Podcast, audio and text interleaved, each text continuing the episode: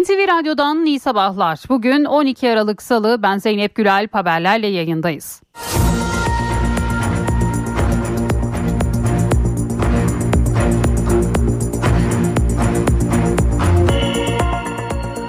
Futbol camiası yumruklu saldırının etkisinde Ankara Gücü Kulübü Başkanı Faruk Koca dün akşam Süper Lig'de 1-1 berabere kaldıkları Çaykur Rizespor maçından sonra hakem Halil Umut Meler'e saldırdı. Sol gözü moraran Meler polis koruması eşliğinde hastaneye kaldırılırken ilk tetkiklerde elmacık kemiğinde kırık tespit edildi. Adalet Bakanı Yılmaz Tunç olaylarda sorumluluğu bulunanlar hakkında adli soruşturma başlatıldığını duyurdu. Soruşturma kapsamında iki şüpheli gözaltına alındı. İç İçişleri Bakanı Ali Yerlikaya da Ankara Gücü Başkanı Faruk Koca'nın hastanede tedavi altına alındığını, tedavisinin ardındansa gözaltı işlemlerinin gerçekleştirileceğini duyurdu. Tepki ve kınama açıklamaları ise ard arda geldi. Cumhurbaşkanı Recep Tayyip Erdoğan hakem Halil Umut Meler'e yapılan saldırıyı kınadığını belirterek spor barış ve kardeşlik demektir. Spor şiddetle bağdaşmaz. Şiddetin Türk sporunun içinde barınmasına asla izin vermeyeceğiz ifadesini kullandı. Futbol Federasyonu gece olağanüstü toplandı. Federasyon Başkanı Mehmet Büyükekşi Türk futbolunda tüm lig maçlarının ertelendiğini açıkladı. Türkiye Futbol Federasyonu Başkanı Mehmet Büyükekşi bu olaya katılan herkes bedelini ödeyecek kimse kimseye yumruk atamaz. Özellikle bir hakeme bunu yapamazlar. Çok üzgünüm dedi. AK Parti ise eski milletvekili Faruk Koca'yı ihraç talebiyle disipline sevk etti. Ankara Gücü Kulübü Başkanı Faruk Koca'nın Çaykur Rizespor maçında hakem Halil Umut Meler'e yumruklu saldırısı Türkiye'de olduğu kadar dünyada da büyük yankı uyandırdı. Türk futbolunun utanç gecesi olarak tarihe geçen skandalı dünya basını da manşetlere taşıdı. The Sun rezil korkunç an derken Daily Mail Türkiye'deki Süper Lig maçında utanç verici görüntüler manşetini attı. Almanya'da yayın yapan Bild gazetesinin internet sitesi de hakeme yumruklu saldırıyı Türkiye'de skandal manşetiyle duyurdu. Asgari ücret tespit komisyonu ilk toplantısını dün yaptı. İşçi, işveren ve hükümetten beşer kişinin yer aldığı komisyon Çalışma ve Sosyal Güvenlik Bakanlığı'nda bir araya geldi. Yaklaşık bir saat süren ilk toplantıda rakam konuşulmadı. Taraflar yalnızca beklentilerini dile getirdi. Türk İş heyetinde bu yıl ilk defa dört işçi de yer aldı. Toplantıda sorunlarını bizzat dile getirdiler. Geçinebilecek bir ücret talep ettiklerini söylediler. Taraflar 18 Aralık pazartesi günü yeniden masaya oturacak. Türkiye Büyük Millet Meclisi Genel Kurulu'nda bütçe maratonu da başladı. Mesainin ilk gününde hükümet adına bütçe sunumunu yapan Cumhurbaşkanı Yardımcısı Cevdet Yılmaz, 2024'ün Haziran ayını işaret etti. O tarihten itibaren enflasyonda kalıcı düşüşün başlayacağını söyledi. Yılmaz, kamu harcamasında en üst düzeyde tasarrufa önem e, verileceğini de duyurdu. Bütçe görüşmelerinde CHP adına Genel Başkan Özgür Özel konuştu. Hükümete ekonomi başlığında sert eleştiriler yöneltti. Özel bu bütçe yoksullaştıran, enflasyonla mücadele yeterliliği göstermeyen bütçelerin bir tekrarı dedi. Mecliste bütçe görüşmelerinde söz alan DEM Partisi eş genel başkanı Tuncer Bakırhan'ın genel kurulu Kürtçe selamlamasına MHP lideri Devlet Bahçeli'den tepki geldi. Bahçeli Anayasa Mahkemesi Başkanı Zühtü Arslan ve üyelere Türkiye'ye sahip çıkın çağrısı yaptı. Kürtçe sözlerin tercüme edilmesini isteyen Meclis Başkanı Numan Kurtulmuş'u da eleştirdi. Böyle bir şey olamaz dedi. Ortaokul ve liselere iki yeni ders geliyor. Ortaokullara görgü kuralları ve nezaket, liselere de adabı muaşeret dersleri geliyor. İki seçmeli dersle ilgili hazırlanan müfredat Talim Terbiye Kurulu Başkanlığı'nın onayından geçti. Oscar'ın habercisi olan Altın Küre ödüllerinde adaylar belli oldu. Bu yıl 81. kez sahiplerini bulacak olan Altın Küre'de televizyon kategorisinde Succession dizisi en iyi drama dizisi dalı dahil toplam 9 adaylıkla öne çıktı. Sinemada ise Greta Gerwig'in Barbie'si 9 adaylıkla zirveye yerleşirken onu 8 adaylıkla Christopher Nolan'ın Oppenheimer'ı takip etti.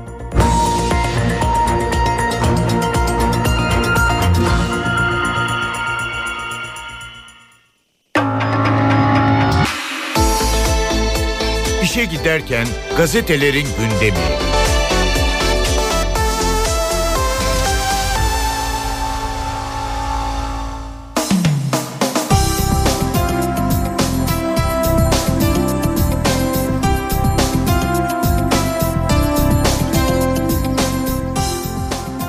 Sabah gazetesiyle başlıyoruz. Kuraklığa karşı 20 yeni baraj manşetiyle çıkıyor bugün Sabah gazetesi. 66 ilde 369 tesisin açılışında konuşan Cumhurbaşkanı Erdoğan, su verimliliği için seferberlik çağrısı yaptı. Türkiye'nin boşa harcanacak bir damla suyu yok dedi. Açılışını yaptığımız baraj, içme suyu, sulama, atık su ve taşkın koruma tesisleri Türk ekonomisine yıllık 5 milyar lira katkı yapacak. Ülkemizin gıda güvenliğini garanti altına almanın yolu su kaynaklarımızı verimli kullanmaktan geçiyor. Çünkü biz su zengini bir ülke değiliz. Bunun için madenimiz varsa ortaya çıkaracağız. Petrolümüz, doğalgazımız varsa keşfedeceğiz.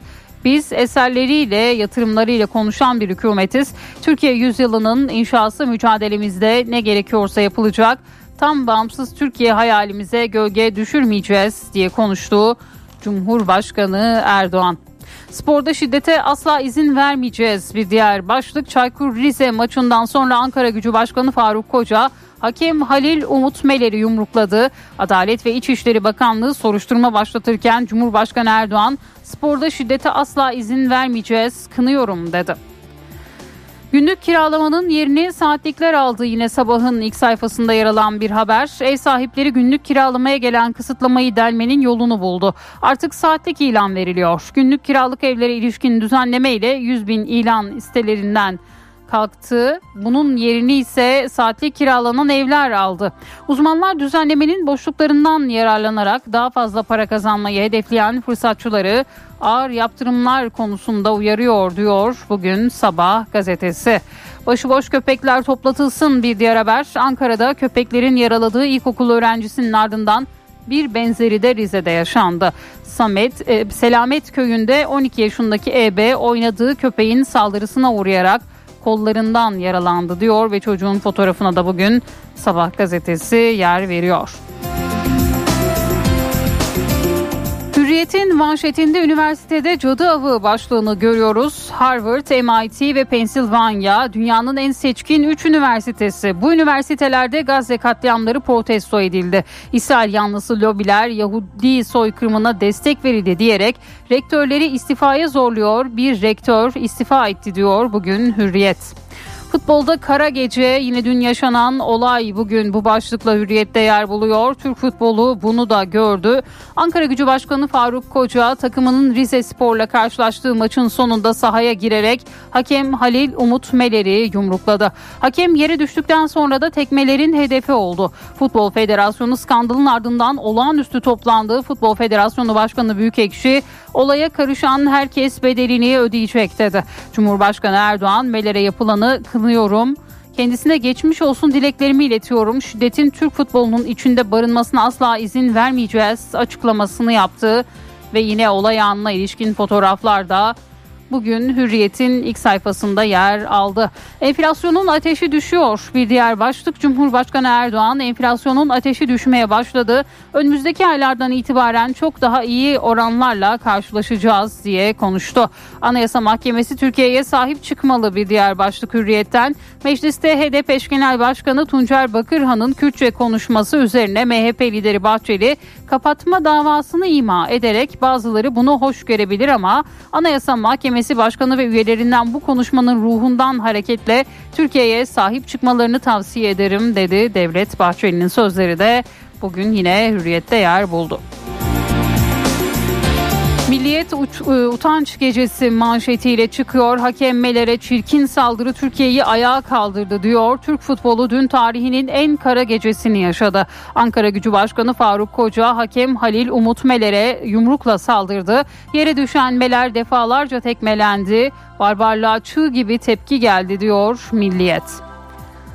Provokatör baba oğul bir diğer haber. Gazze'de binlerce sivil hayatını kaybederken İsrail Başbakanı Netanyahu'nun ofisinden yapılan açıklamada İran'ın sözde terörist faaliyetleri için Kuzey Kıbrıs Türk Cumhuriyeti'ni kullandığı iddia edilip İsrail ve Yahudi hedeflerine saldırmak için bir geçiş alanı olduğu öne sürüldü. Bu iddialara Kuzey Kıbrıs Türk Cumhuriyeti çok sert karşılık vererek delilsiz, dayanaksız ve kötü niyetli bu iddiayı şiddetle reddediyoruz dedi.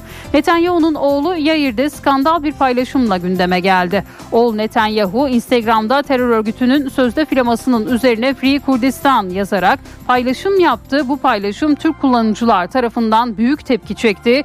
Yair Netanyahu Gazze soykırımının başladığı günden beri yaşadığı Miami'den katliam çağrıları yapıyor diyor bugün Milliyet.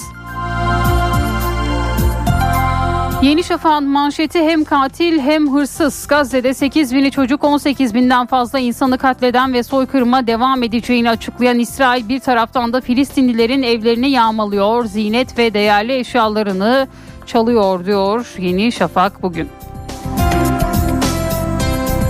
Postanın manşetinde de Türk futbolunda kara gece başlığını görüyoruz. Ankara Gücü Başkanı Faruk Koca dün akşam Rize Spor'la bir bir berabere kaldıkları maçtan sonra sahaya girip hakem Halil Umut Meler'e yumruk attı. Yere düşen Meler'e çok sayıda kişi tekmeyle de saldırdı. Hakemler maçlara çıkmama kararı alırken Türkiye Futbol Federasyonu Yönetim Kurulu da gece yarısı olağanüstü toplandı diyor Posta Gazetesi. Bu haberi de manşetinden duyuruyor.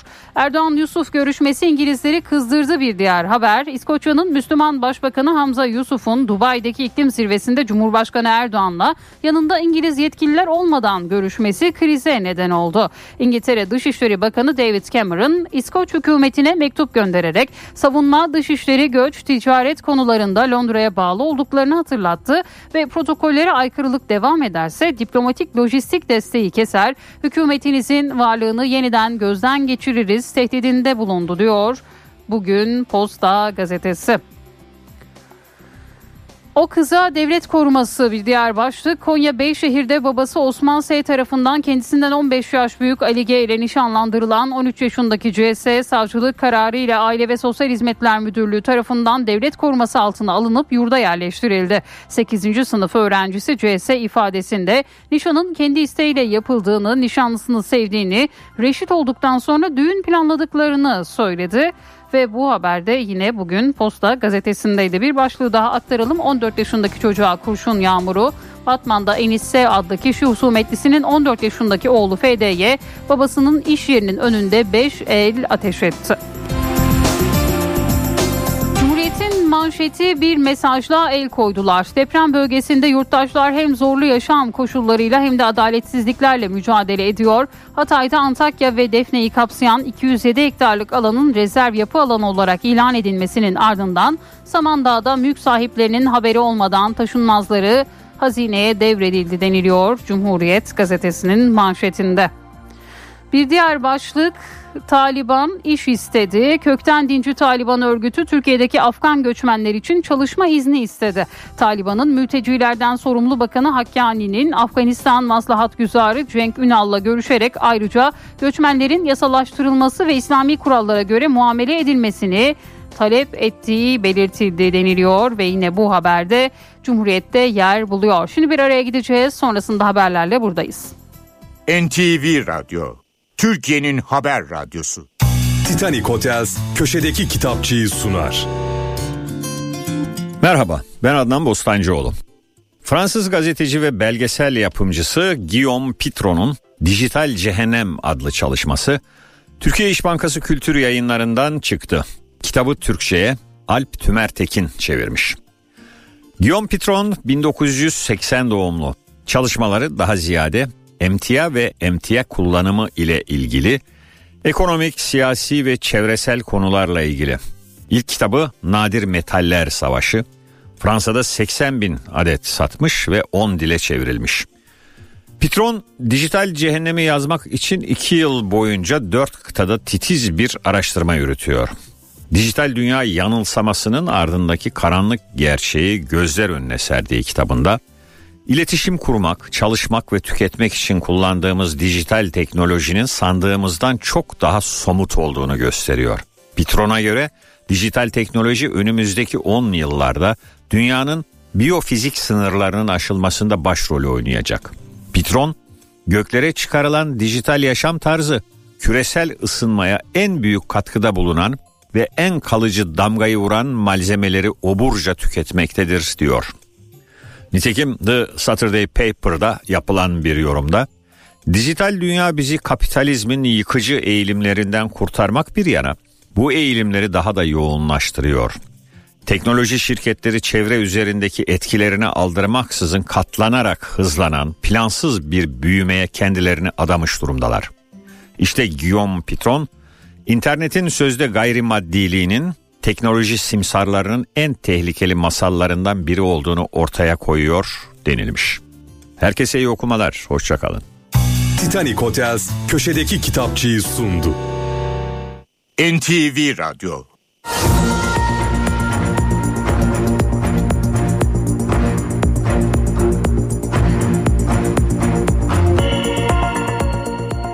NTV Radyo'da haberleri aktarmayı sürdürüyoruz. MKE Ankara Gücü Kulübü Başkanı Faruk Koca dün akşam Süper Lig'de bir bir berabere kaldıkları Çaykur Rizespor maçından sonra hakem Halil Umut Meler'e saldırdı. Yumruklu saldırı futbol camiasını ayağa kaldırdı. Tepki ve kınama açıklamaları ard arda geldi. Futbol Federasyonu gece olağanüstü toplandı. Federasyon Başkanı Mehmet Büyükekşi Türk futbolunda tüm lig maçlarının ertelendiğini açıkladı. Kulüp başkanı sahada hakem yumrukladı. Türk futbolunda tüm ligler süresiz ertelendi. Ankara Gücü Başkanı Faruk Koca'nın hakem Halil Umut Meler'e yaptığı çirkin saldırının ardından olağanüstü toplanan Futbol Federasyonu tüm maçları durdurdu. Tüm liglerdeki maçları süresiz olarak erteledik. Bu yapılan saldırı Türk futbolu adına maalesef çok şanssız ve utanç gecesi. Türk futbolunun bunları hak etmediğini düşünüyoruz ve artık yeter diyoruz. Yeter. Her gün bir hakemi suçlamak, her gün bir konuda bir açıklama yapmak yeter artık arkadaşlar. Türk futbolunun utanç gecesinde son düdüğün ardından saldırıya uğrayan Halil Umut Meler önce yumruklandı sonra yerde tekmelendi. Eryaman stadında 1-1 biten mücadelede ev sahibi ekibin başkanı Faruk Koca etrafındaki kalabalıkla hakeme linç girişiminde bulundu. Sol gözü moraran Meler polis koruması eşliğinde hastaneye kaldırılırken ilk tetkiklerde elmacık kemiğinde kırık tespit edildi. Türk futbolu çirkin saldırıya tepki gösterdi. Galatasaray sözün bittiği yer paylaşımıyla Kulüpler Birliği'ni olağanüstü toplantıya çağırırken Fenerbahçe'de yaşananlar kabul edilemez dedi. Beşiktaş ise bir buçuk sezon önce futbolcusu Josef de Souza'ya aynı statta yapılan saldırıyı hatırlatarak Brezilyalı futbolcunun bir oyuncuyu öldürdükleri gün veya en sevdiği şeyi yapmasını engelleyerek sakat bıraktıkları gün ya da bir hakeme saldırdıkları gün beni hatırlayacaksınız açıklamasını paylaştı. Türk futbol tarihine kara leke olarak geçen saldırı Ankara Gücü Başkanı Faruk Hoca'nın bir sene önce yaptığı konuşmayı akıllara getirdi. Federasyonun düzenlediği Fair Play ödülünü kazanan Koca 26 Aralık 2022'deki konuşmasında Fair Play ruhunu yaşatmak için elimden geleni yapacağım demişti. Bu ödülü almak bundan sonraki bizim çalışmalarımızda ve atacağımız adımda daha da fazla bize sorumluluk yüklüyor. Bu ivmenin daha da ileri boyuta taşınması için bir kulüp başkanı olarak elimden geleni yapacağım diyorum.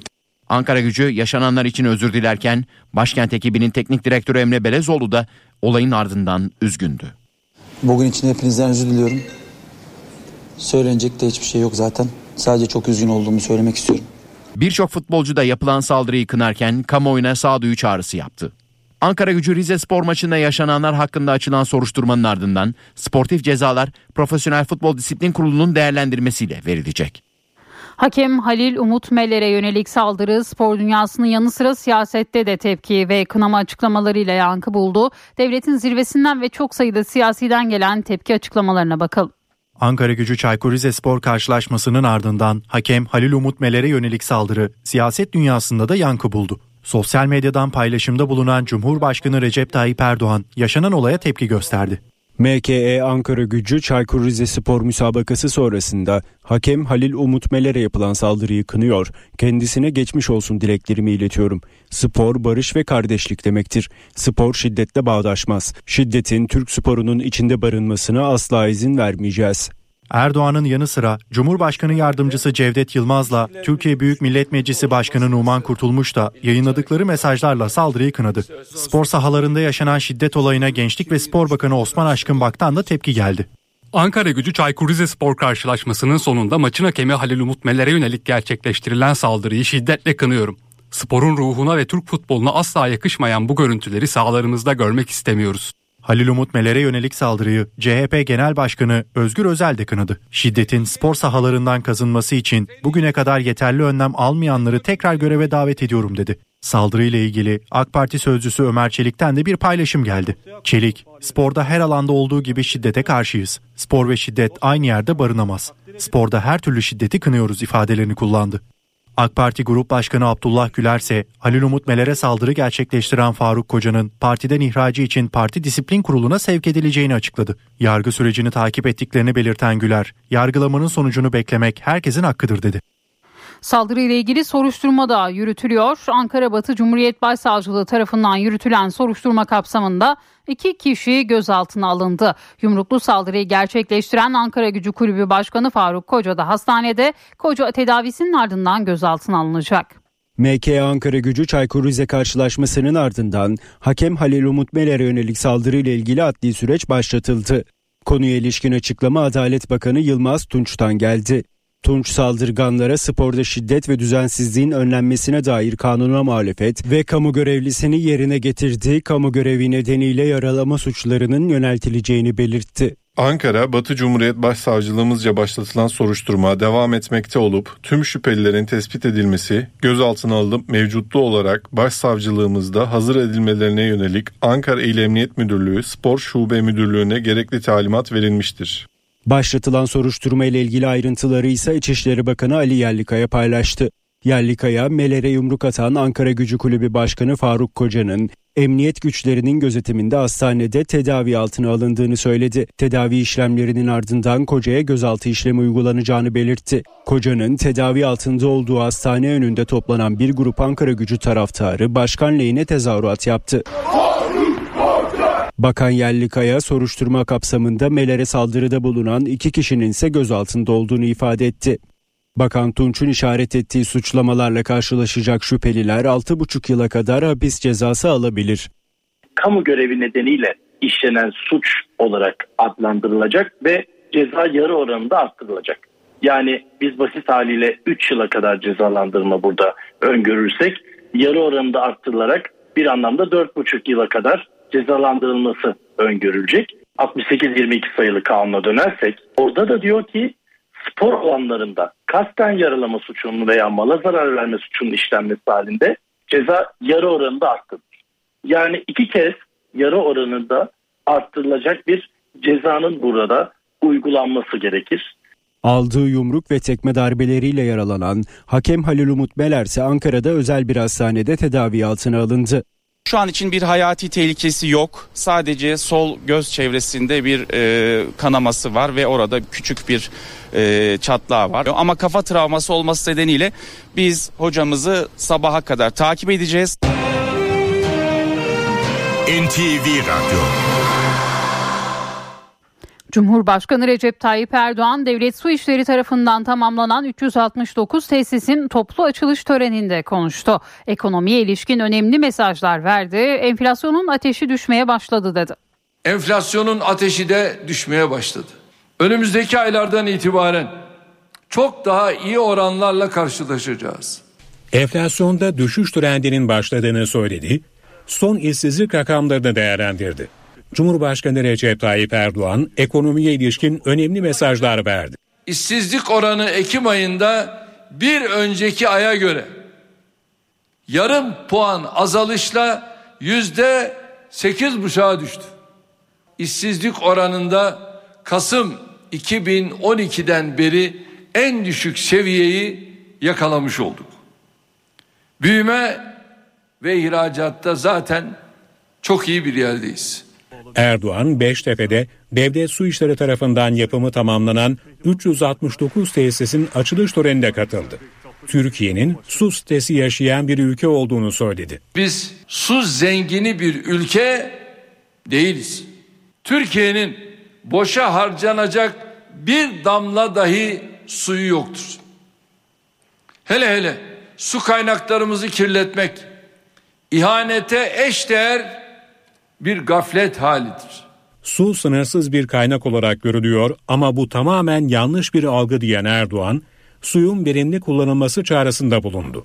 Buradan 85 milyonun her bir ferdini bir damla da sen ol parolasıyla yürüttüğümüz su verimliliği seferberliğimize destek olmaya katkı vermeye çağırıyorum.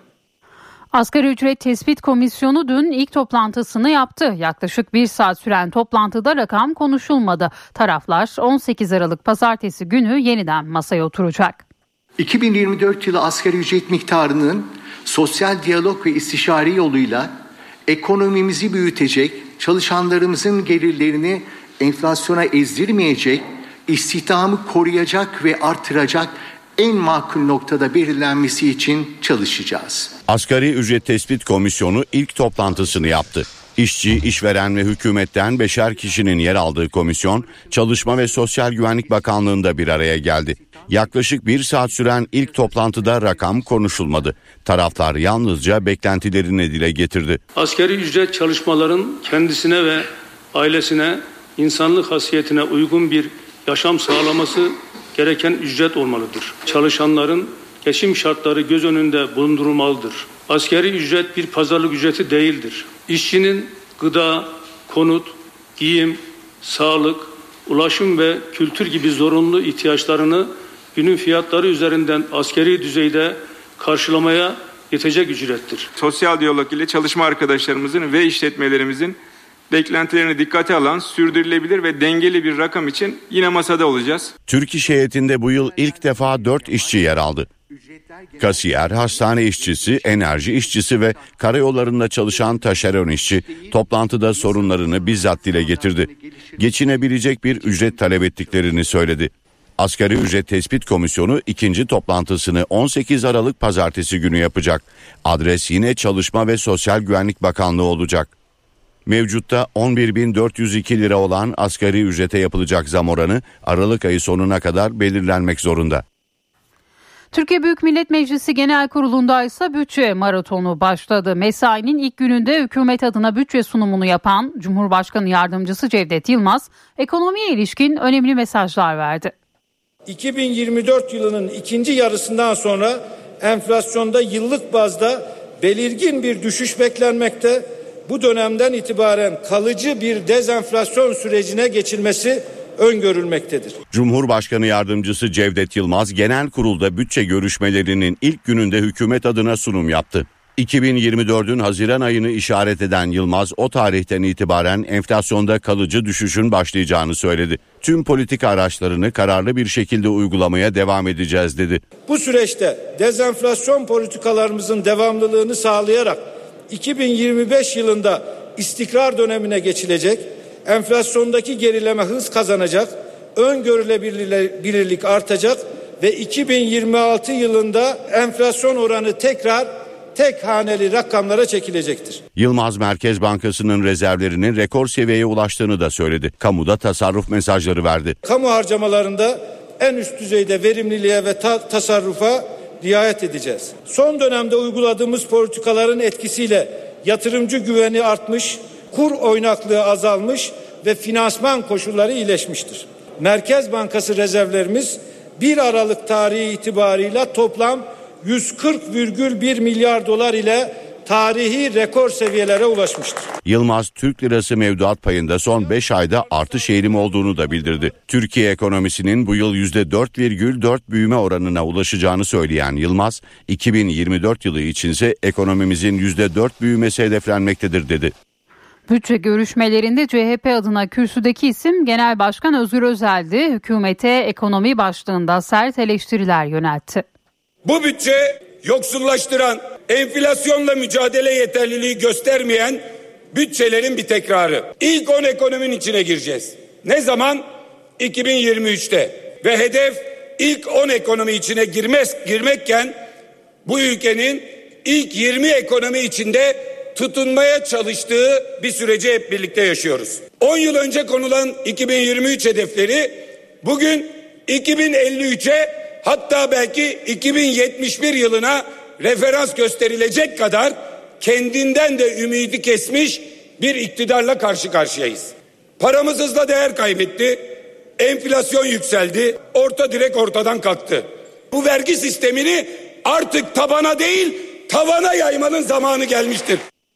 Bütçe görüşmelerinde söz alan DEM Parti eş genel başkanı Tuncer Bakırhan'ın genel kurulu Kürtçe selamlamasına MHP lideri Devlet Bahçeli'den tepki geldi. Peki Bahçeli ne dedi? Ayrıntıları Özgür Akbaş'tan dinliyoruz şimdi. Genel kurulda söz sırası HEDEP yeni adıyla DEM partisindeydi. DEM partisinin e, eş genel başkanı Tuncer Bakırhan Meclis Genel Kurulu'nda kürsüdeki isimdi ve Kürtçe selamladı. Kürtçe ifade kullandı. Bu Kürtçe e, ifade e, kullanmasına Meclis Başkanı Numan Kurtulmuş da Sayın Başkan bir de Türkçesini okuyun yani Türkçe tercümesini de okuyun diye müdahale etti. Sonrasında bu konu, bu Kürtçe ifade MHP Genel Başkanı Devlet Bahçeli'ye meclis kulisinde soruldu ve Bahçeli'nin sert tepkisi vardı. Anayasa Mahkemesi'ne gönderme yaparak, Anayasa Mahkemesi Başkanı ve üyelerine gönderme yaparak aslında Sayın Bahçeli'nin e, tepkisini ortaya koyduğunu söyleyelim. Konuşmacılardan bir kısmı Kürtçe kendilerini ifadeye çalıştılar. Bu kürsü dokunmazlığı sebebiyle bazıları tarafından hoş görülebilir ama ben Anayasa Mahkemesi'nin başta başkanı ve değerli üyelerini buradaki konuşmanın ruhundan hareketle Türkiye'ye sahip çıkmaları tavsiyesinde bulunurum dedi Bahçeli tepkisini böyle koydu ama devam etti. Kendilerine bu konularda daha dikkatli olmaya yani Anayasa Mahkemesi'ne yine uyarılarda bulundu. Kendilerine bu konularda daha dikkatli olmaya, bunun gittikçe yaygınlaştığı Anayasa Mahkemesi'nin tavrı nedeniyle birçok kesimin şımardığı görülüyor. Bunlara dikkat etmek gerekir dedi Bahçeli. Böyle bir ortamda bu konuşma bize göre kabul görmemiştir ama onlar keçeyi suya atmışlar. Çıkacağı yeri taşıdıkları için zihinlerinde ne varsa dökmeye çalışıyorlar dedi MHP Genel Başkanı Devlet Bahçeli. Tabi bu Kürtçe selamlamaya Meclis Başkanı Numan Kurtulmuş Türkçe tercümesini de istemişti. Bahçeli'nin Numan Kurtulmuş'a yönelik de eleştirisi vardı. Meclis Başkanı'nın Kürtçe sözünü dinledikten sonra bunu Türkçe'ye tercüme edin cümlesi ise Anayasa Mahkemesi Başkanı kadar yanlış bir tutum olmuştur. Böyle bir şey olamaz ifadesini kullandı. Meclisteki Kürtçe ifadeye MHP Genel Başkanı'nın tepkisi böyleydi. Hem Kürtçe kullanan Tuncay Bakırhan'a hem de onu uyaran Türkçe tercümesini isteyen Meclis Başkanı Numan Kurtulmuş'a eleştirel bir yaklaşım gösterdi MHP Genel Başkanı Devlet Bahçeli. NTV Radyo İsrail'in Gazze'ye yönelik saldırıları 67. gününde ölen Filistinlilerin sayısı 18.205'e yükseldi. 50 bine yakın da yaralı var. İsrail Savunma Bakanı Yoav Galant Hamas'a teslim olun çağrısı yaptı. Galant anlaşma için Lübnan'ın güneyindeki Hizbullah'a da yeşil ışık yaktı. İsrail'in Gazze'ye yönelik saldırıları 67. gününde. Gece boyunca yoğun bombardıman devam etti. Saldırı öncesi fırlatılan işaret fişekleri geceyi aydınlattı. Gazze'nin kuzeyinde batıya ilerleyen İsrail güçleriyle Hamas üyeleri arasında şiddetli çatışmalar yaşandı. Savaşın başından bu yana 2 milyona yakın Filistinli bulundukları yeri terk etmek zorunda kaldı. İsrail, Filistinlilerin Mısır'a sürülmesi ve bölgedeki açlığın daha kötü duruma geldiğine yönelik iddiaları reddetti. Hafta sonu Birleşmiş Milletler Genel Sekreteri Antonio Guterres, Mısır'a kitlesel göçten endişe duyduğunu aktarmıştı. İsrail Savunma Bakanı Yoav Galant da Hamas yok edilene kadar savaşın süreceğini yineledi. Gazze'de kalıcı olarak bulunma niyetimiz yok dedi. İsrail Savunma Bakanı Hamas üyelerine teslim olun çağrısı yaptı. Galant, İsrail'e tehdit olmadığı sürece Gazze'nin yönetimi için tüm alternatifleri görüşmeye hazır olduklarını aktardı. Lübnan'ın güneyindeki İzbullah güçleriyle de anlaşmaya yeşil ışık yaktı. Galant anlaşmanın sınır boyunca tampon bölge içermesi gerektiğini söyledi. İsrail ordu sözcüsü Lübnan'da fosfor bombası kullanıldığına yönelik iddialara da yanıt verdi. Hem kuzeyde hem güneyde uluslararası hukuka uygun hareket ediyoruz açıklamasını yaptı. Ordu Cebaliye'de bir caminin içinden de görüntü paylaştı. Hamas üyelerinin camiyi askeri eğitim noktası ve bomba yapımı için kullandığı öne sürüldü. Konya'da kendisinden 15 yaş büyük biriyle nişanlandırılan 13 yaşındaki kız çocuğu devlet korumasına alındı. Eşinden ayrı yaşayan Osman S. 8. sınıf öğrencisi kızını Ali G ile nişanlandırdı. Nişan merasiminden görüntülerin sosyal medyada paylaşılması üzerine Aile ve Sosyal Hizmetler İl Müdürlüğü harekete geçti. Olayla ilgili inceleme başlatıldı. 13 yaşındaki kız çocuğu Beyşehir Cumhuriyet Başsavcılığı'nın kararıyla devlet korumasına alındı ve yurda yerleştirildi. Jandarma çocuğun babası Osman S. ve Ali G'nin de ifadesine başvurdu. Osman S. ifadesinde düğünü kızı reşit olduktan sonra yapmayı planladıklarını anlattı. Bartın'da heyelan nedeniyle Kastamonu Karayolu'nun bir bölümü çöktü, yol kapandı. Bartın Kastamonu Karayolu'nun Amasra ilçesi Uğurlar Köyü mevkiinde dün akşam heyelan meydana geldi. Yolun 30 metrelik bölümü çöktü, Kastamonu yönü ulaşıma kapandı. AFAD ekipleri yolda inceleme yaptı. Karayolları ekipleri de bölgede hasarın giderilmesi için çalışma başlattı. Son iki yıl içinde peynir fiyatları katlanarak arttı. Artık piyasada 250 liranın altında peynir bulmak zorlaştı. Bu yüzden sektör temsilcileri uyarıyor. Hemen hemen her üründe olduğu gibi peynirde de taklit ve taşiş ürünlere dikkat edin deniliyor. Peynir fiyatları yani halkın alım gücünün üstünde 300 lira 250 lira. Alım gücünün azalması merdiven altı diye tabir edilen taşüşlü peynir üretimini de tetikliyor. Süt oranını düşürenler, zararlı madde ekleyenler, süt tozu kullanarak kalitesini düşürenler. Peynirdeki hileler saymakla bitmiyor. Vatandaşın sağlığıyla oynanıyor. Haksız kazanç sağlamak ve birim maliyetleri düşürmek için peynir yapımında süt yağı haricinde yağ kullanımı, küf ve maya oluşumunu engellemek amacıyla izin verilen miktardan fazla netapsin kullanımı gibi değişik yöntemlere başvuruluyor. Son iki yıl içerisinde peynirin fiyatı 4 kat arttı ve peynirin fiyatına baktığımızda şu anda kilosu 295 lira. Fiyatı bu kadar yüksek olunca peynirin merdiven altı üretiminde de artış yaşanmaya başladı. Bu yüzden uzmanlar uyarıyor taklit ve taşiş peynirden uzak durun deniliyor. Eskilerin merdiven altı dediği belki üretim yapan insanlar var. Onlara vicdansızlar diyorum. Lütfen elini çeksinler. Peynirin taşiş olup olmadığını nasıl anlarsınız? Valla onu anlamıyor işte. Ne rast gelirse hangisi ucuzsa onu alıp yiyoruz. Yani rengi kokusu belki hani bir şeyleri gösterebilir ama çok da bilmiyorum. Sektör temsilcileri Tarım ve Orman Bakanlığı'nda kayıtlı olan markaların tercih edilmesi gerektiğini söylüyor ve ekliyor. Ucuz ürünlerden sakının deniliyor. 250 liranın altındaki bir taze kaşar e, açıkçası sütünden malzemesinden çalınmış bir ürün oluyor. E, beyaz peynir de keza öyle. Yani bugün 250 liranın altındaki beyaz peynirdeki süt kullanım oranı biraz düşük oluyor. Sakın sakın sakın. Yani onu ucuz yiyeceğime yarım kilo yiyeceğime 250 gram yerim doğrusunu yerim. O ucuz peynirler katkı neler koyuyorlar bilmiyoruz.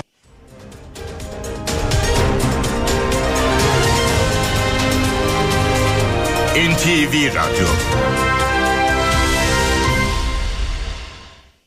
Türkiye'nin lider araç takip sistemi Arvento'nun sunduğu işe giderken devam ediyor. Üstün Alman teknolojisiyle üretilen Düfa Boya spor haberlerini sunar.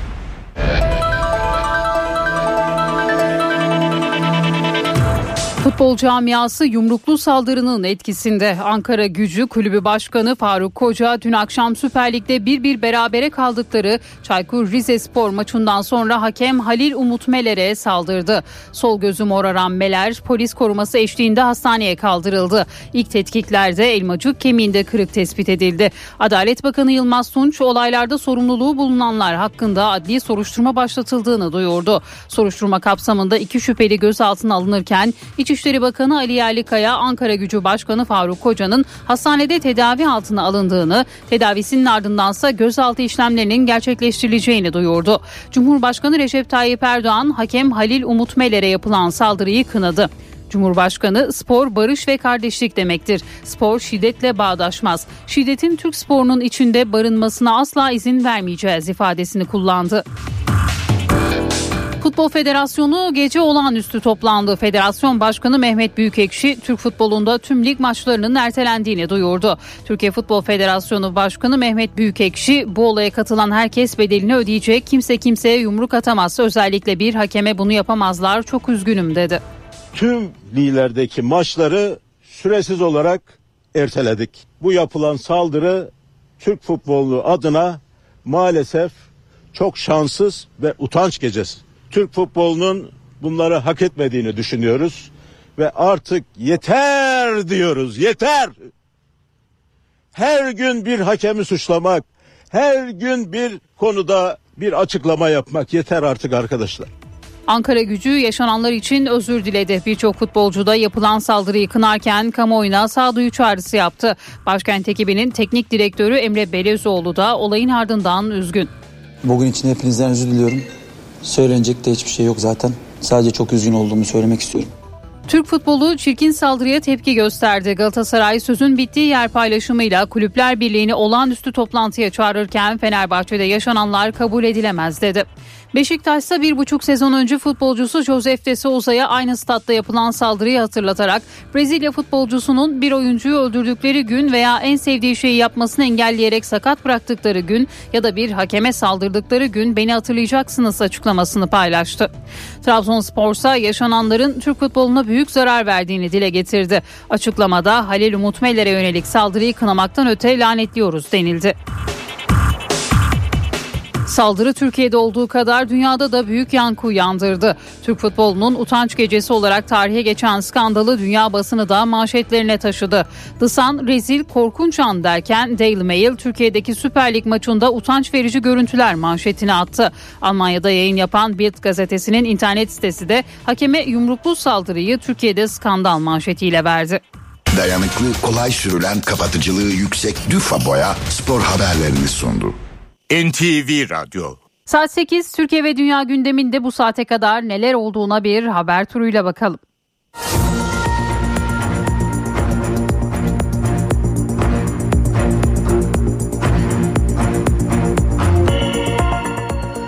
Futbol camiası yumruklu saldırının etkisinde. Ankara Gücü Kulübü Başkanı Faruk Koca dün akşam Süper Lig'de 1-1 berabere kaldıkları Çaykur Rizespor maçından sonra hakem Halil Umut Meler'e saldırdı. Sol gözü moraran Meler polis koruması eşliğinde hastaneye kaldırılırken ilk tetkiklerde elmacık kemiğinde kırık tespit edildi. Adalet Bakanı Yılmaz Tunç olaylarda sorumluluğu bulunanlar hakkında adli soruşturma başlatıldığını duyurdu. Soruşturma kapsamında iki şüpheli gözaltına alınırken İçişleri Bakanı Ali Yerlikaya Ankara Gücü Başkanı Faruk Koca'nın hastanede tedavi altına alındığını, tedavisinin ardındansa gözaltı işlemlerinin gerçekleştirileceğini duyurdu.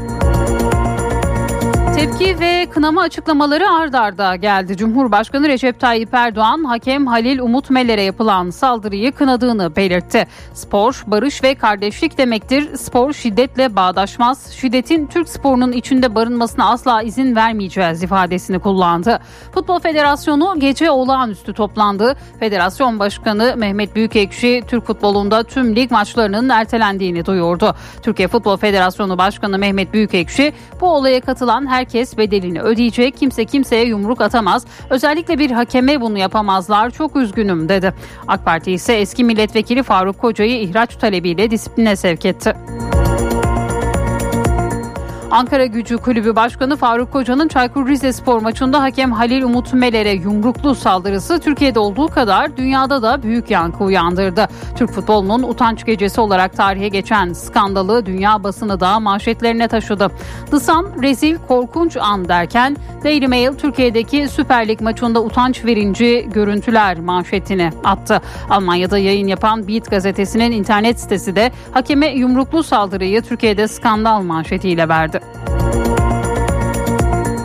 Asgari ücret tespit komisyonu dün ilk toplantısını yaptı. İşçi, işveren ve hükümetten beşer kişinin yer aldığı komisyon Çalışma ve Sosyal Güvenlik Bakanlığı'nda bir araya geldi.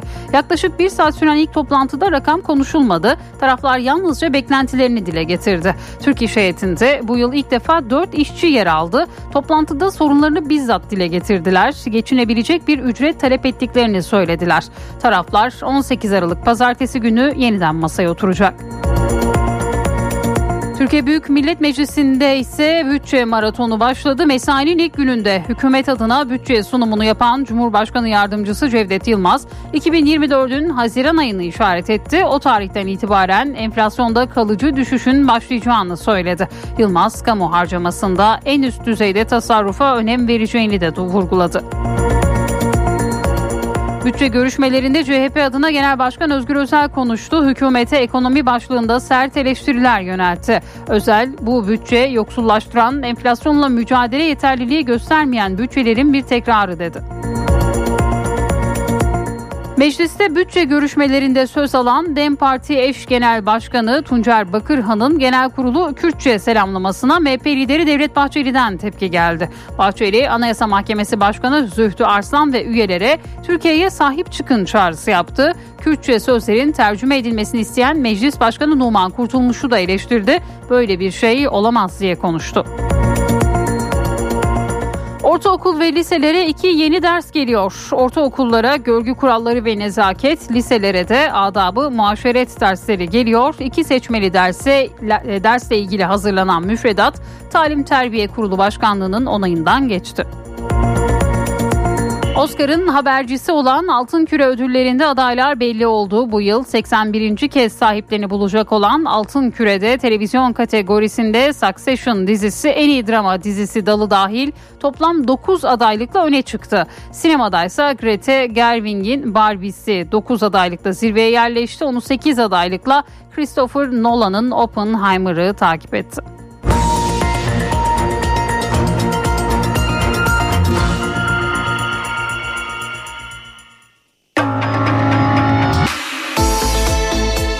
İşe giderken gazetelerin gündemi.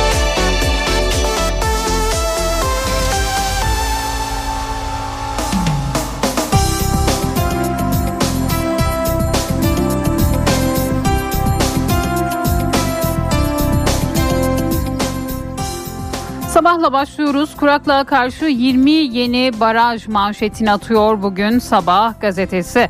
66 ilde 369 tesisin açılışında konuşan Cumhurbaşkanı Erdoğan, su verimliliği için seferberlik çağrısı yaptı. Türkiye'nin boşa harcanacak bir damla suyu yok dedi. Açılışını yaptığımız baraj, içme suyu, sulama, atık su ve taşkın koruma tesisleri Türk ekonomisine yıllık 5 milyar lira katkı yapacak. Ülkemizin gıda güvenliğini garanti altına almanın yolu su kaynaklarımızı verimli kullanmaktan geçiyor. Çünkü biz su zengini bir ülke değiliz.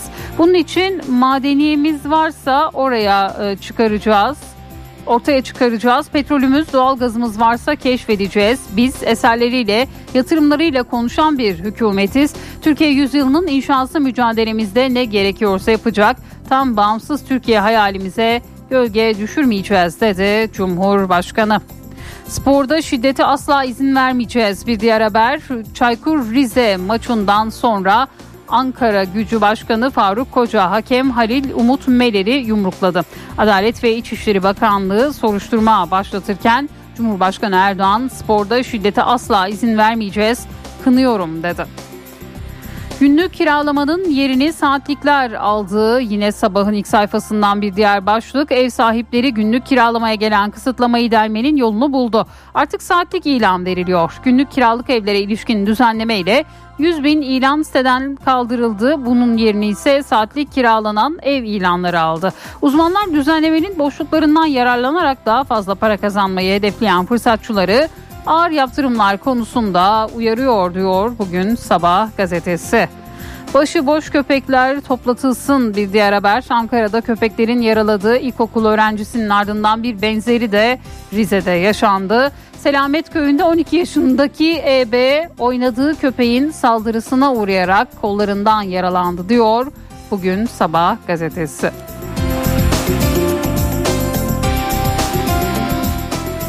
Hürriyet gazetesi manşetine üniversitede cadı avı başlığını taşıyor bugün. Harvard, MIT ve Pensilvanya dünyanın en seçkin 3 üniversitesi. Bu üniversitelerde Gazze katliamları protesto edildi. İsrail yanlısı lobiler Yahudi soykırımına destek verildi diyerek rektörleri istifaya zorluyor bir rektör istifa etti. Gazze'deki katliamları protesto eden Pensilvanya Üniversitesi öğrencilerinin kullandığı Nehirden Denize Filistin özgür olacak sloganı İsrail lobileri tarafından Yahudi soykırımına destek olarak yorumlandı. Rektör e, Liz Magil mecliste milletvekili Elis Stefanik tarafından soykırıma destek veriyormuş gibi sorgulandı. Baskılara dayanamayan Nagil istifa etti. İsrail lobileri şimdi de Gazze'ye destek gösterilerinin yapıldığı diğer üniversiteler olan Harvard'la MIT rektörlerini hedef aldı diyor bugün Hürriyet gazetesi. Futbolda kara gece yine dün yaşanan olay bugün bu başlıkla Hürriyet'te yer buluyor. Türk futbolu bunu da gördü. Ankara Gücü Başkanı Faruk Koca takımının Rize Spor'la karşılaştığı maçın sonunda sahaya girerek hakem Halil Umut Meler'i yumrukladı. Hakem yere düştükten sonra da tekmelerin hedefi oldu. Futbol Federasyonu skandalın ardından olağanüstü toplandığı Futbol Federasyonu Başkanı Büyükekşi olaya karışan herkes bedelini ödeyecek dedi. Cumhurbaşkanı Erdoğan Meler'e yapılanını kınıyor. Kendisine geçmiş olsun dileklerimi iletiyorum. Şiddetin Türk sporunun içinde barın yaşanmasına asla izin vermeyeceğiz açıklamasını yaptı. Enflasyonun ateşi düşüyor. Bir diğer başlık Cumhurbaşkanı Erdoğan enflasyonun ateşi düşmeye başladı. Önümüzdeki aylardan itibaren çok daha iyi oranlarla karşılaşacağız dedi. İşsizlik oranı Ekim ayında bir önceki aya göre yarım puan azalışla %8,5'a düştü. İstihdam edilenlerin sayısı ise aynı dönemde bir önceki aya kıyasla 246 bin kişi artarak 31 milyon 835 bin kişiye ulaştı. Bu rakamlarla işsizlik oranı Kasım 2012'den beri en düşük seviyeye yakaladı. Büyüme ve ihracatta zaten çok iyi bir yerdeyiz dedi Cumhurbaşkanı.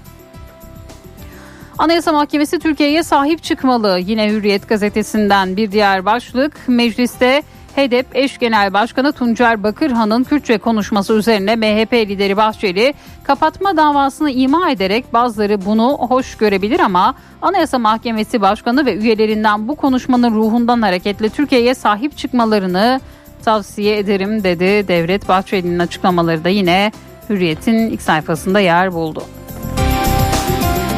Milliyet utanç gecesi manşetini atıyor. Türk futbolu ta- dün tarihinin en karanlık gecesini yaşadı. Ankara Gücü Başkanı Faruk Koca, hakem Halil Umut Meler'i yumrukla saldırdı. Yere düşen Meler defalarca da tekmelendi barbarlığa çığ gibi tepki geldi diyor Milliyet.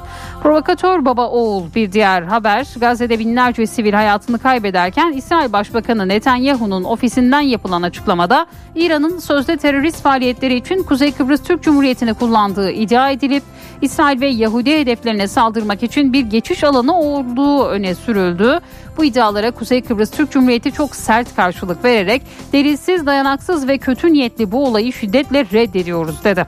Netanyahu'nun oğlu Yair'de skandal bir paylaşımla gündeme geldi. Oğul Netanyahu Instagram'dan terör örgütünün sözde flamasının üzerine Free Kurdistan yazarak paylaşım yaptı. Bu paylaşım Türk kullanıcılar tarafından büyük tepki çekti. Yair Netanyahu Gazze soykırımının başladığı günden beri yaşadığı Miami'den katliam çağrıları yapıyor diyor bugün Milliyet gazetesi. Asgari ücrette azami empati bir diğer başlık 7 milyon çalışanın asgari ücretini belirleyecek komisyon ilk toplantısını yaptı. Rakamın telaffuz edilmediği toplantıda asgari ücretli 4 işçi geçim şartlarını anlattı. Altı kardeşimle işçi bir babanın çocuğu olarak büyüdüm diyen Çalışma Bakanı Vedat Işıkhan da çalışanlarımızı enflasyona ezdirmeyeceğiz ifadesini kullandı. İkinci toplantı 18 Aralık'ta yapılacak diyor bugün Milliyet gazetesi. Yeni Şafak'ın manşetinde hem katil hem hırsız başlığı yer buluyor. Gazze'de 8 bini çocuk 18 binden fazla insanı katleden ve soykırıma de, e, devam edeceğini de açıklayan İsrail bir taraftan da Filistinlilerin evlerini yağmalıyor, zinet ve değerli eşyalarını çalıyor diyor bugün Yeni Şafak. Eserlerimizle konuşuyoruz. Bir diğer başlık Cumhurbaşkanı Erdoğan devlet su işleri tarafından tamamlanan Türk ekonomisine yıllık bazda 5 milyar lira katkı sağlayacak 369 tesisin açılışını yaptı. Erdoğan biz eserleriyle, yatırımlarıyla, projeleriyle konuşan bir hükümetiz dedi. Bütçe maratonu Gazze ile başladı. Mecliste 14 gün sürecek 2024 yılı bütçe görüşmeleri soykırımın sürdüğü Gazze hassasiyetiyle başladı deniliyor. Bugün Yeni Şafak gazetesinde.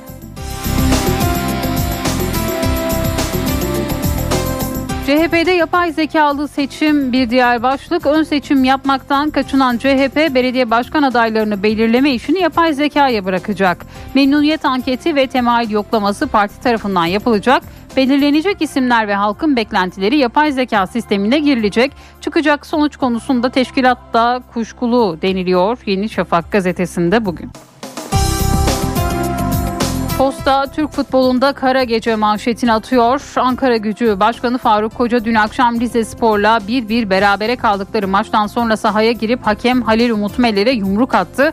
Yere düşen Meler'e çok sayıda kişi de tekmeyle saldırdı. Hakemler maçlara çıkmama kararı aldı.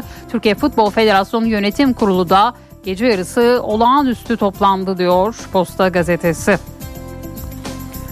Erdoğan Yusuf görüşmesi İngilizleri kızdırdı bir diğer başlık. İskoçya'nın Müslüman Başbakanı Hamza Yusuf'un Dubai'deki iklim zirvesinde Cumhurbaşkanı Erdoğan'la yanında İngiliz yetkililer olmadan görüşmesi krize neden oldu. İngiltere Dışişleri Bakanı David Cameron İskoç hükümetine mektup göndererek savunma, dışişleri, göç, ticaret konularında Londra'ya bağlı olduklarını hatırlattı ve protokollere aykırılık devam ederse diplomatik lojistik desteği keser, hükümetinizin varlığını yeniden gözden geçiririz tehdidinde bulundu diyor.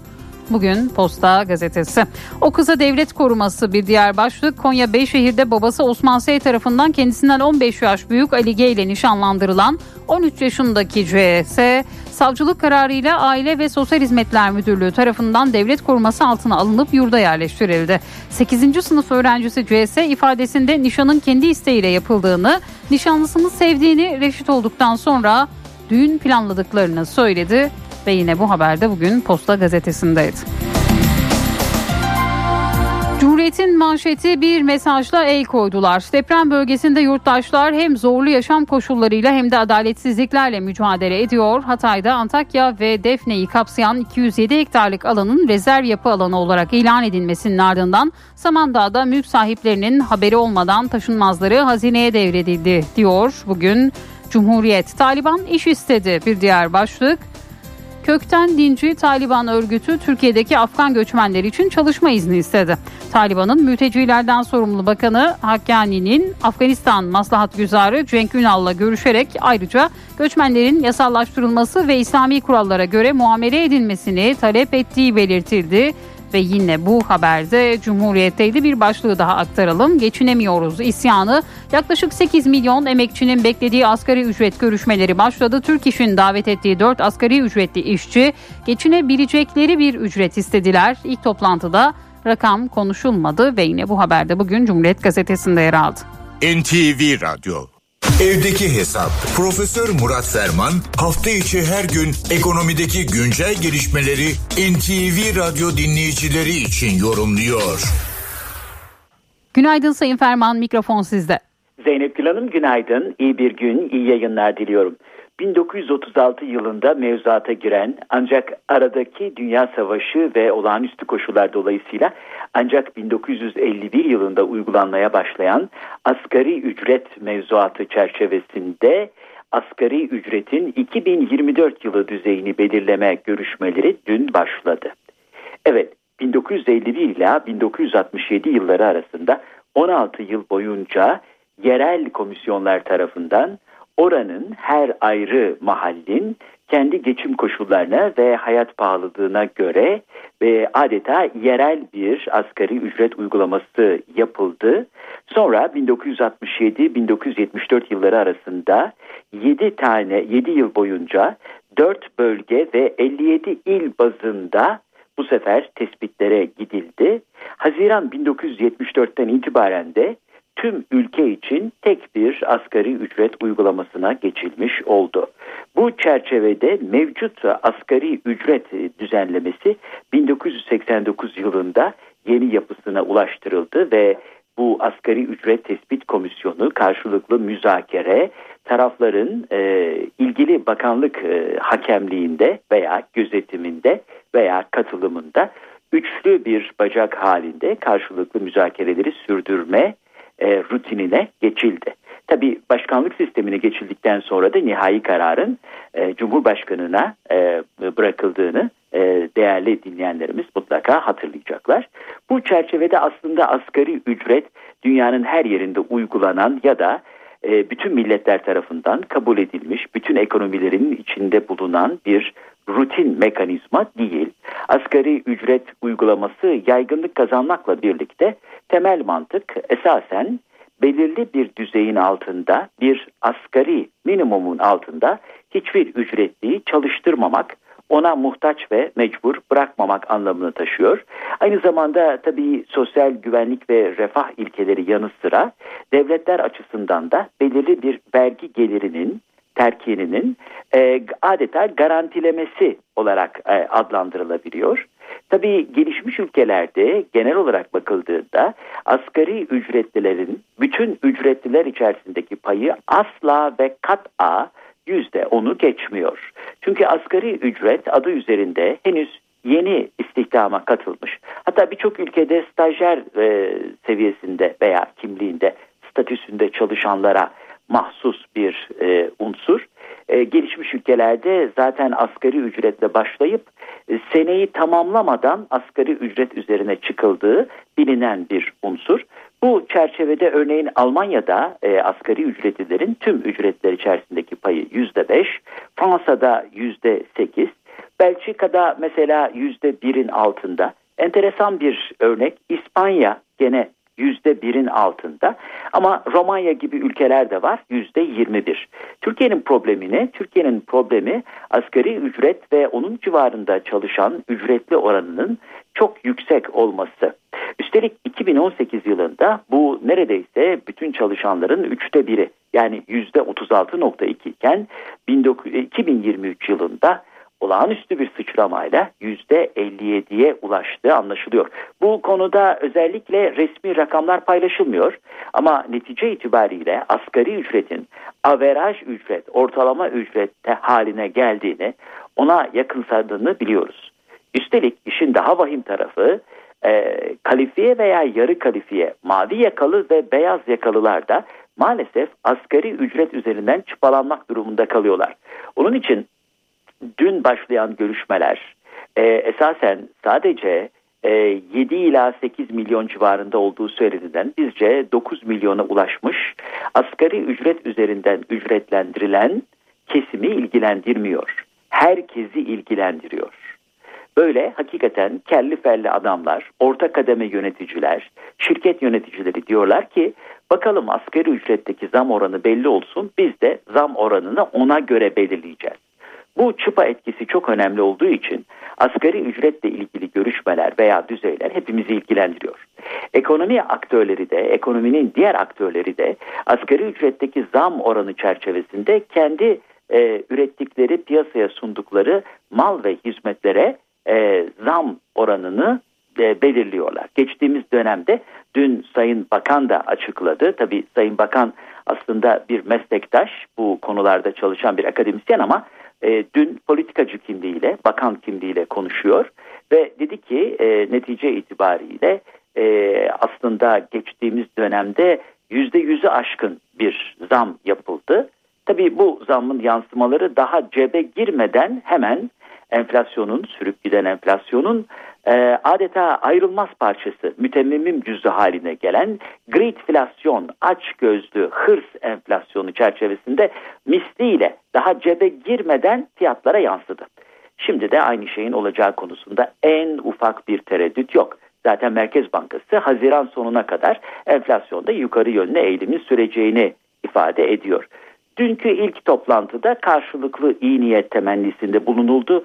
Kritik denge, makul çözüm gibi kutuplaşma olmadan bu işin halledilmesi gibi temenniler ortada oldu. Evet optimizasyon, dengeleme e, işletme iktisadının da en temel ziynetidir. Ama problem şu enflasyonun olduğu yerde zemin çürükse sağlam bir bina inşa edilemez veya optimal dengeler kurulamaz. Onun için kök sebep enflasyon ortadan kalkmadan hiçbir oran, hiçbir yaklaşım, hiçbir mutabakat kalıcı ve tarafları memnun edici, sürdürülebilir bir nitelikte olmayacaktır. Sonucu, rakamı, manşeti bilmiyoruz ama buradan ve bu yargıdan tamamen eminiz. Bu genel bilgi turu ve paylaşım çerçevesinde değerli dinleyenlerimize katma değeri yüksek ve yüksek katma değerli bir gün diliyor. Huzurlarınızdan hürmetlerle ayrılıyorum. Profesör Murat Ferman'la evdeki hesap sona erdi. Kaçırdığınız bölümleri www.ntvradio.com.tr adresinden dinleyebilirsiniz. Dünya markası Bras çatı sistemleri finans bültenini sunar.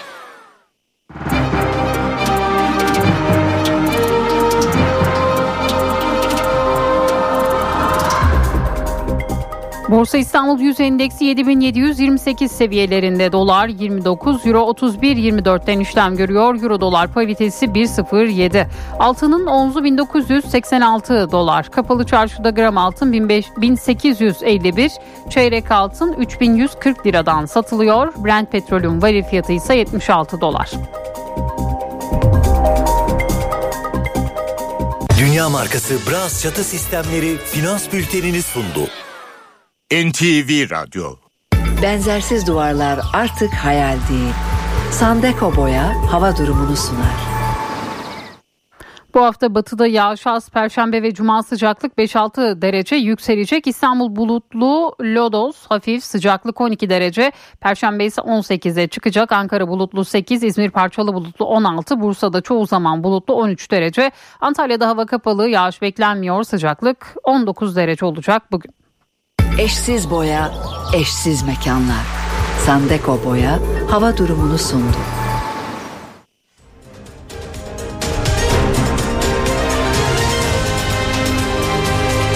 NTV Radyo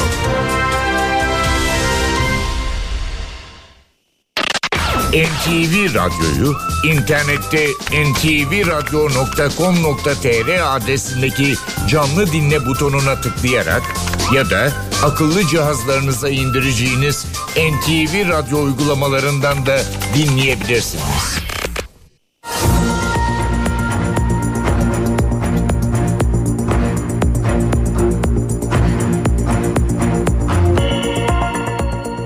NTV Radyo'da haberleri aktarmayı sürdürüyoruz. Futbol dünyası dün akşamki saldırının etkisinde bu saldırıyı konuşuyor. MK Ankara Gücü Kulübü Başkanı Faruk Koca dün akşam Süper Lig'de 1-1 berabere kaldıkları Çaykur Rizespor maçından sonra hakem Halil Umut Meler'e saldırmıştı. Yumruklu saldırı futbol camiasını ayağa kaldırdı. Tepki ve kınama açıklamaları ard arda geldi. Futbol Federasyonu gece olağanüstü toplandı ve Federasyon Başkanı Mehmet Büyükekşi Türk futbolunda tüm lig maçlarının ertelendiğini açıkladı.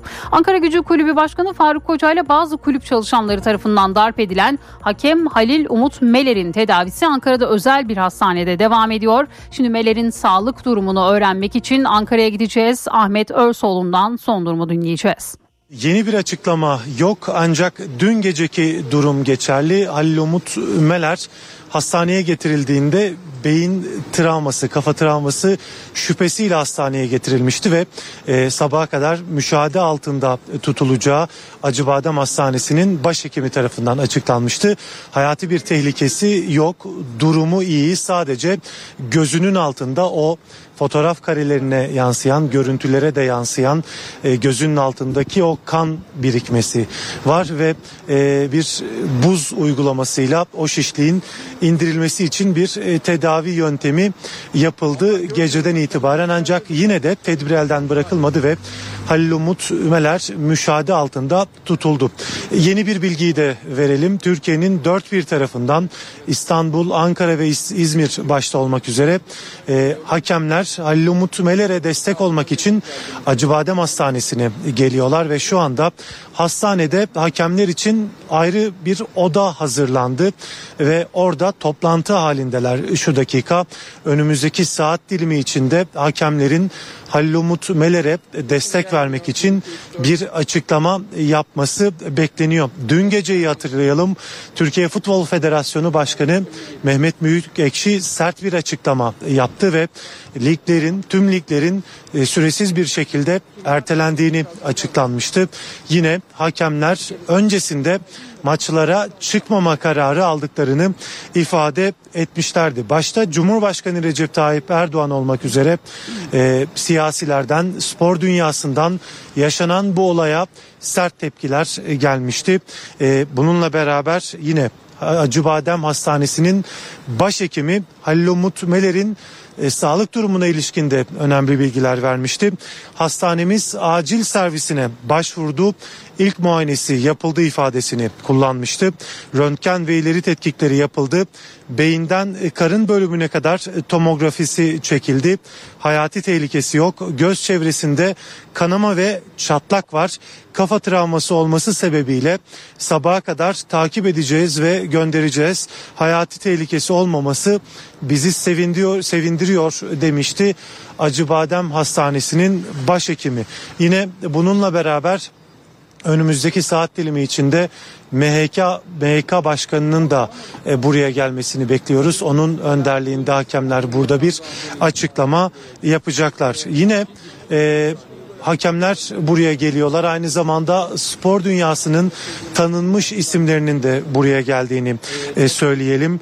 Yine e, bununla beraber önümüzdeki saat dilimi içinde burada hem Halil Umut Meler'in sağlık durumuna ilişkin, güncel sağlık durumuna ilişkin açıklama yapılacak. Hem de burada hakemler bundan sonra e, nasıl bir e, karar verecekler, nasıl bir çalışma yöntemi gerçekleştirecekler buna ilişkin de yeni bir açıklama yapılmasını bekliyoruz.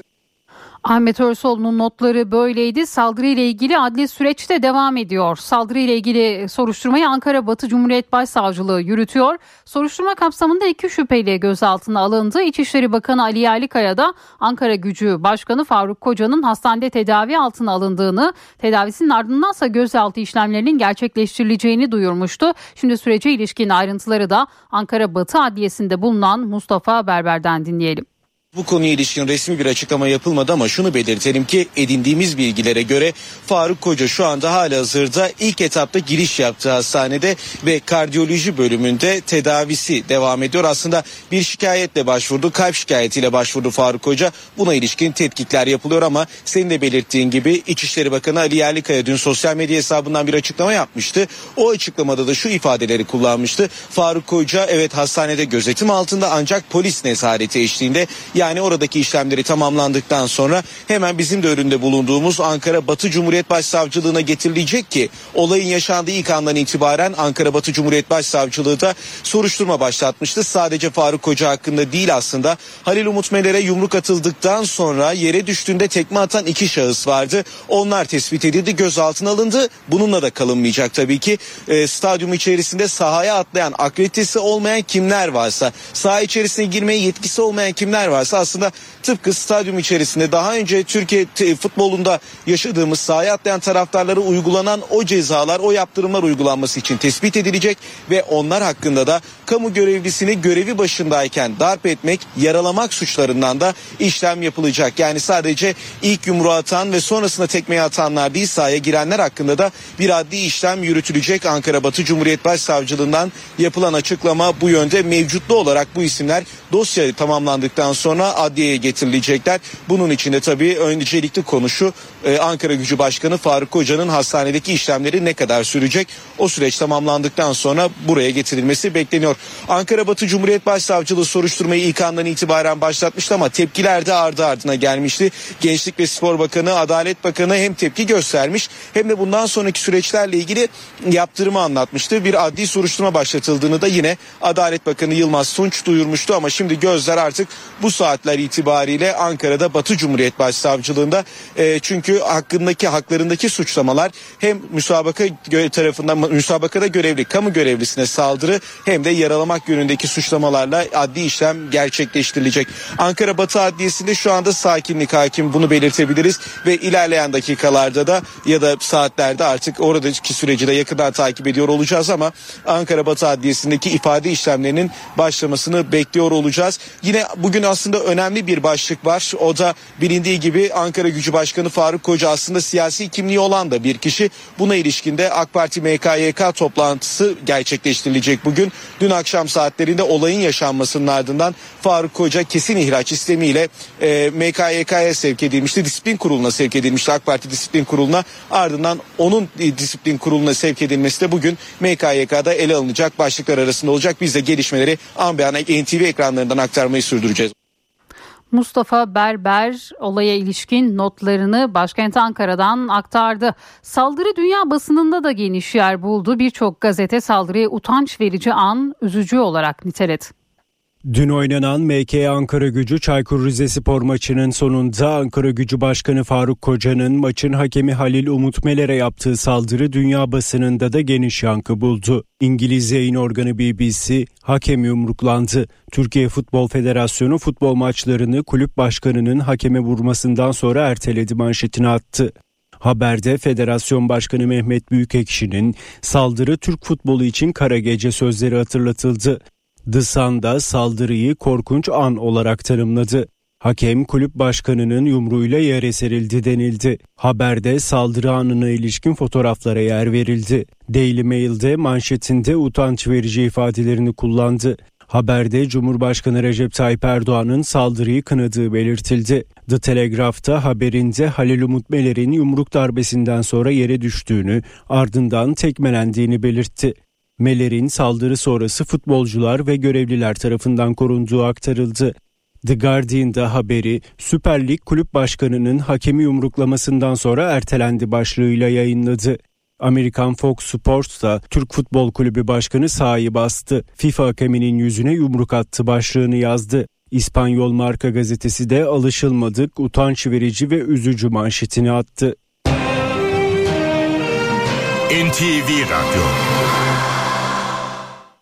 Asgari ücretin belirlenmesi için ay sonuna kadar yapılacak 4 toplantılık maraton dün başladı. Hem çalışanların hem de işverenlerin beklentileri yüksek. Çalışanlar enflasyon karşısında ezilmeyecek bir zam oranı talep ederken işverenler de desteklerin artırılmasını istiyor.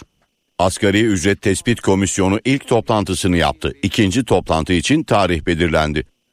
Hükümet, işçi ve işveren temsilcilerini bir araya getirecek olan ikinci toplantı 18 Aralık pazartesi günü yapılacak. Asgari ücrete son 2 yıldır yılda 2 zam yapılıyor. Bu yıl Ocak ayında %54,66, Temmuz ayında %34 zam yapılmıştı.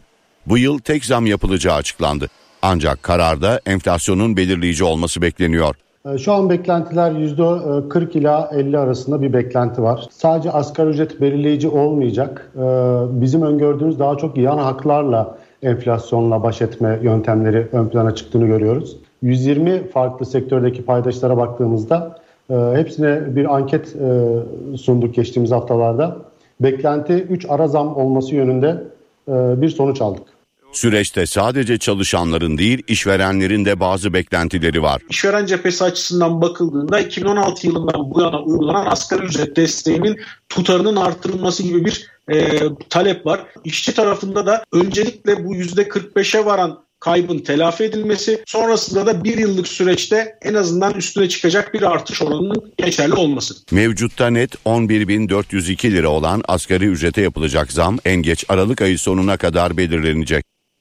31 Mart seçimlerine geri sayım sürerken Ankara'da tüm planlar, tüm mesai artık yerel seçim için yapılıyor. AK Parti, MHP, CHP ve İyi Parti'de yaşananlarla devam edelim.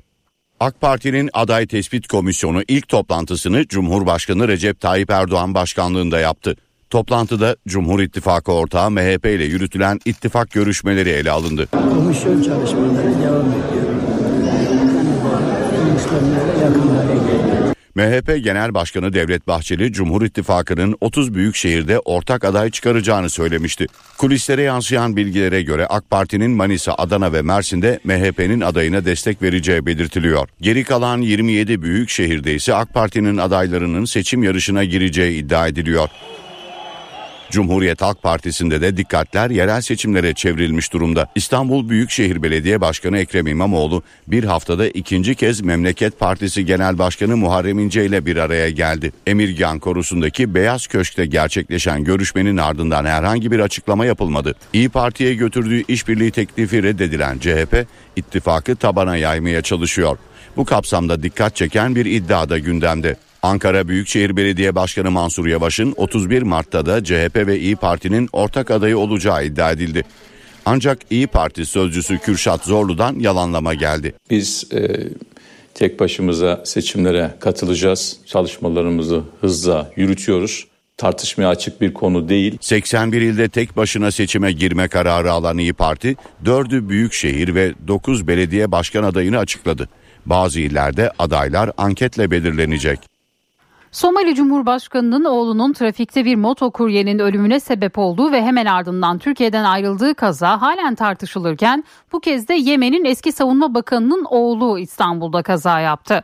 Beyoğlu'nda karşıdan karşıya geçen yayaya çarptı. Kazada 71 yaşındaki Pakize Özer ağır yaralandı. Gözaltına alınan bakanın oğlu adliyeden serbest bırakıldı. Karşıdan karşıya geçen yayaya çarptı. Yemen eski savunma bakanının oğlu Musayet Hüseyin'in karıştığı trafik kazası güvenlik kamerasına yansıdı. Kaza 10 Aralık pazar günü İstanbul Beyoğlu'nda meydana geldi. Türkiye'ye tedavi amacıyla geldiği öğrenilen Hüseyin Ömer Hayyam Caddesi'nde aracıyla ilerliyordu. Yanında Yemen'in eski savunma bakanı olan babası da vardı. Hüseyin karşıdan karşıya geçmeye çalışan 71 yaşındaki Pakize Özer'e çarptı. Çarpmanın etkisiyle yere düşen Özer başını kaldırıma vurdu. Ağır yaralanan Özer'e ilk müdahale sağlık ekipleri tarafından olay yerinde yapıldı. Ardından da hastaneye kaldırıldı. Hayati tehlikesinin sürdüğü belirtildi. Özer'in ağır yaralanmasına neden olan Hüseyin ise gözaltına alındı. Emniyetteki ifadesi sonrasında adliyeye sevk edildi. Bilirkişi raporunda %100 kusur oranı mağdura atfedilmiş durumda. E, bu çerçevede de savunmalarımızı gerçekleştirdik. E, ifadesinde müvekkilin 50 olan hız sınırını aşmadığı, hiçbir şekilde alkol, sigara, uyuşturucu ve benzeri maddeleri bulunmadığı sağlık raporunda da kesin ve net bir şekilde ortaya konulmuş vaziyette. Hüseyin adli kontrol şartıyla serbest bırakıldı. Hakkında ev hapsi kararı verildi. Geçen haftayı çoğunlukla yağışlı geçiren İstanbul'da barajlarda doluluk oranı %40'a dayandı. Su seviyesi %39,62 olarak ölçüldü. Son yağışlarla İstanbul'da su seviyesi en yüksek barajlar %88'de Elmalı ve %64'le Ömerli Barajı oldu. Su seviyesi halen en düşük barajsa %10'la Pabuçdere Barajı. İzmir'in Seferihisar ilçesinde mandalina şenliği düzenlendi. Çeşitli etkinlikler ve gösterilere sahne olan şenliğe ünlü isimler de katıldı. LÖSEV'e destek için mandalina toplandı. Ünlüler LÖSEV için bir araya geldi. Dalından mandalina topladı. Şahane bir organizasyon. Burada olmak çok güzel tabii. LÖSEV'i çok seviyoruz. Herkes herkes gibi. Çok keyifli. Burada olmak da çok keyifli. Emeği geçen herkese teşekkür ediyoruz. İzmir'in Seferihisar ilçesi 23. Mandalina Şenliği'ne ev sahipliği yaptı. Binlerce kişinin katıldığı etkinlikler kortejle başladı. Seferihisar Kapalı Pazar yerinde çeşitli gösteriler ve yarışmalar düzenlendi. Ömür Gedik, Bülent Şakrak, Önder Açıkbaş ve Hakan Bilgin gibi ünlü isimler de şenlikteydi. Fena değil, uzun değil ama yani iddialı değiliz ama yine de. LÖSEV'e destek için bahçeden mandalina topladılar. Değerli sanatçılarımız buraya gelmişken LÖSEV'i de aradık. Dedik ki orada bir hasat e, yapalım. Hasatta da e, kestiğimiz mandalinaları mezat yapalım. Mezatta da satışını sunalım. Gelen gelirin de hepsini LÖSEV Vakfı'na bağışlayalım istedik. Toplanan meyveler şenlik alanındaki standta satışa sunuldu.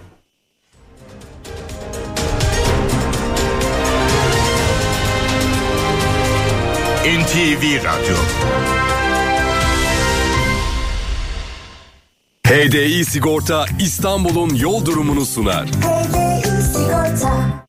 İstanbul'da şu dakika itibariyle trafikte yoğunluk haritası %60'ı gösteriyor. Anadolu'dan Avrupa'ya geçişte 15 Temmuz Şehitler Köprüsü'ne giderken Çamca Beylerbeyi arasında yoğunluk var. Fatih Sultan Mehmet Köprüsü'ne giderken de Küçük Bakkalköy Kavacık arası yoğun. Her iki köprüde de yoğunluk var. Avrasya Tüneli ise çift taraflı açık.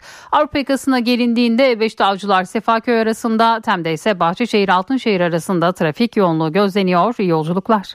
HDI Sigorta İstanbul'un yol durumunu sundu. HDI Sigorta